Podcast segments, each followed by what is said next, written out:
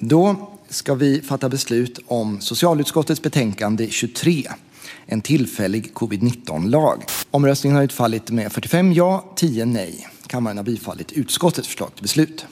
Nu har vi ju en lagstiftning som naturligtvis också kommer kunna göra det möjligt att stänga ner men som vi framförallt vill använda för att vidta åtgärder som, som begränsar trängsel och i sin tur då begränsar risken för smittspridning. Ja, nu är den klubbad och klar. Den tillfälliga pandemilagen, kallad covid-19-lagen, som efter tio månaders pandemi nu ger Sveriges regering möjlighet att besluta om fler åtgärder för att minska smittspridningen av corona i samhället. Köpcentrum, gym, biografer, tunnelbanan är exempel på ställen där trängseln nu kan regleras med hjälp av lagen. Söndagen 10 januari trädde lagen i kraft och redan nu har nya begränsningar införts. Som att åtta personer-regeln även gäller privata tillställningar. Men varför får vi den här lagen först nu? Vad är det för kritik som omgärdat lagförslaget? Och hur kommer lagen att påverka förtroendet för regeringen? Det ska vi prata om i dagens Aftonbladet Daily. Och vi gör det med Aftonbladets inrikespolitiska kommentator Lena Melin som får börja med att berätta om lagens viktigaste beståndsdelar. De viktigaste dragen eh, handlar om regeringens befogenheter i, eh, och den, det är en tillfällig lag som bara gäller covid-19. Eh, och då, med, med de här befogenheterna ska regeringen kunna stänga eller begränsa en rad verksamheter, alltså typ stänga ett köpcentrum, säga att det finns ett maxtak för, för hur många personer som får befinna sig inne i en butik, eh, hur många som får vistas i en park, alltså alla möjliga sådana här saker som gör att vi helt enkelt inte träffar varandra så mycket som, som vi kanske gör idag. Vi är ju mitt inne i en andra tuff våg i den här pandemin och det är många som har undrat samma sak, nämligen varför klubbas den här lagen igenom först nu? Ja, det kan man ju verkligen undra, men det är, det är en lång och ganska tråkig historia får man väl säga. Det, det, det kom faktiskt en särskild pandemilag i mitten av april, men den eh, löpte ut den sista juni och sen gjorde regeringen ingenting eh, trots att man eh, hela tiden klagade på att verktygen som det hette eh, i verktygslådan, de var inte tillräckligt bra. Det var, de fick trockla med ordningslagen, de fick trockla med, med, med andra eh, Eh, saker som tillfälliga förändringar i restauranglagen och sådär. Men till slut så ruttnade riksdagen kan man väl säga och, och krävde med, med, under ledning av Centerpartiet i oktober att nej, nu behöver vi en ny tillfällig mm, covid-19-lag. Och eh, sen hände ingenting och sen hände ingenting. Eh, för en, eh, ja det var ju massa klagomål då från, från oppositionen som tyckte att regeringen var väldigt senfärdig när det gällde det här. Sen ringde eh, Lena Hallengrens statssekreterare strax före jul till um, de olika partiernas eh, första namn i socialutskottet och då, då gick det undan från och med det kan man säga. Så bara eh, dagen efter julhelgen så kom det här förslaget som klubbades i fredags i riksdagen och som började gälla igår faktiskt. Mm. Man tänker ju kanske att coronalaget hade kunnat vara annorlunda i Sverige om vi hade fått stånd, till stånd den här lagen tidigare. Är inte det en, en kritik som kommer att förfölja regeringen under en lång tid?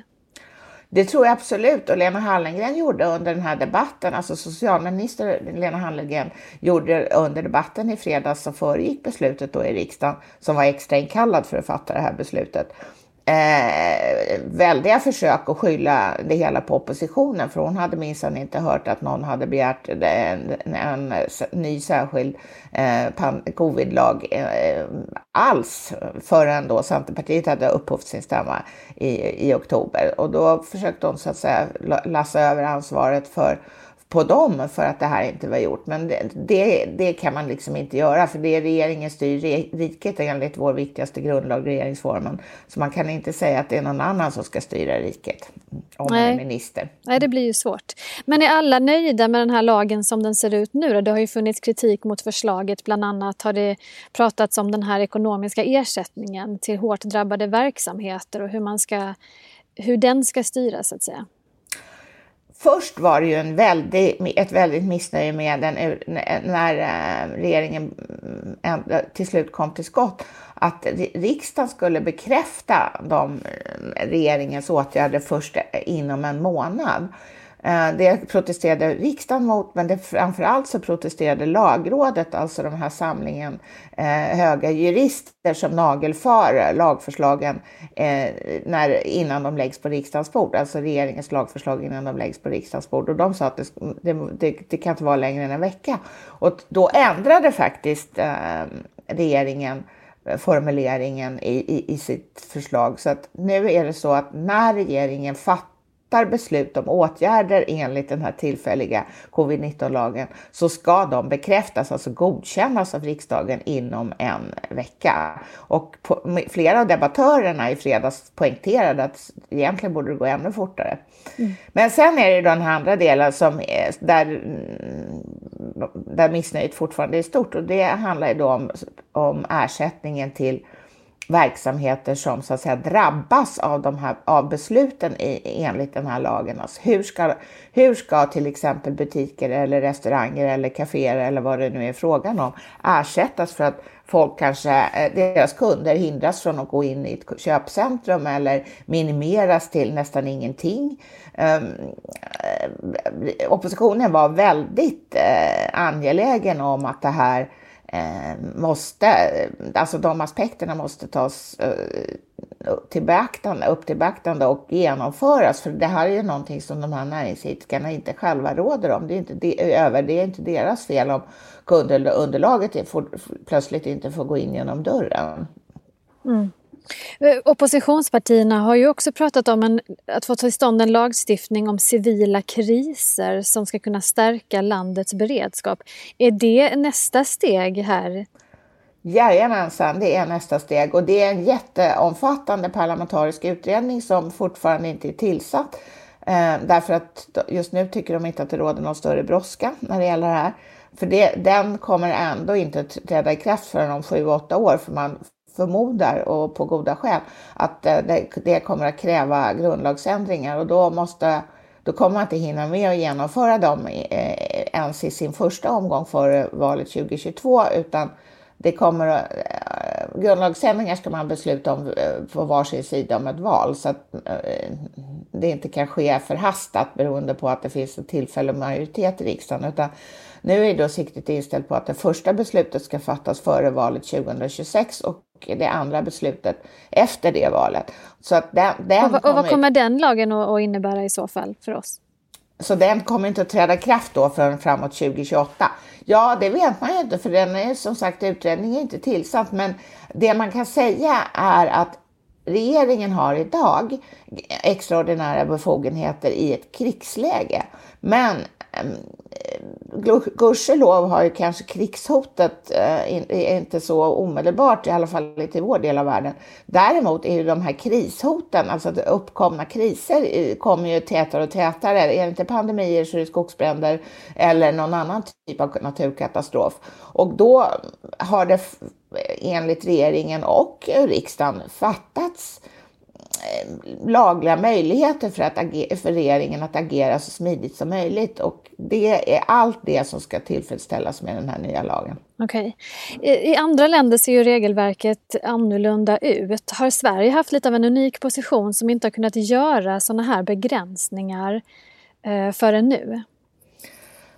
Ja, det kan man väl säga. Eh, att, för det första är det ju så att, att att regeringen har inte haft fria händer att göra vad de vill och det, det, är väl bra. Så är det inte i något land, i alla fall inte i något demokratiskt land. Men sen har man, har, är det också så att vi har en, hel, en annan sätt, lite speciellt sätt att leda landet. Det är att mycket av det som så att säga är, är statliga beslut som kanske inte är så stora och övergripande men som i det lilla ändå har effekt på hur vi och företag och organisationer ska, ska bära oss åt. Ehm, det, det är beslut som fattas av myndigheterna. Så att på det sättet så har vi ju skilt oss åt, inte bara med att, eh, att, att det bara är krig som regeringen kan ta till extraordinära befogenheter, utan att vi också har den här delegationen av, av, av eh, beslut, eh, det som kallas för föreskrifter som, som eh, myndigheterna fattar beslut om.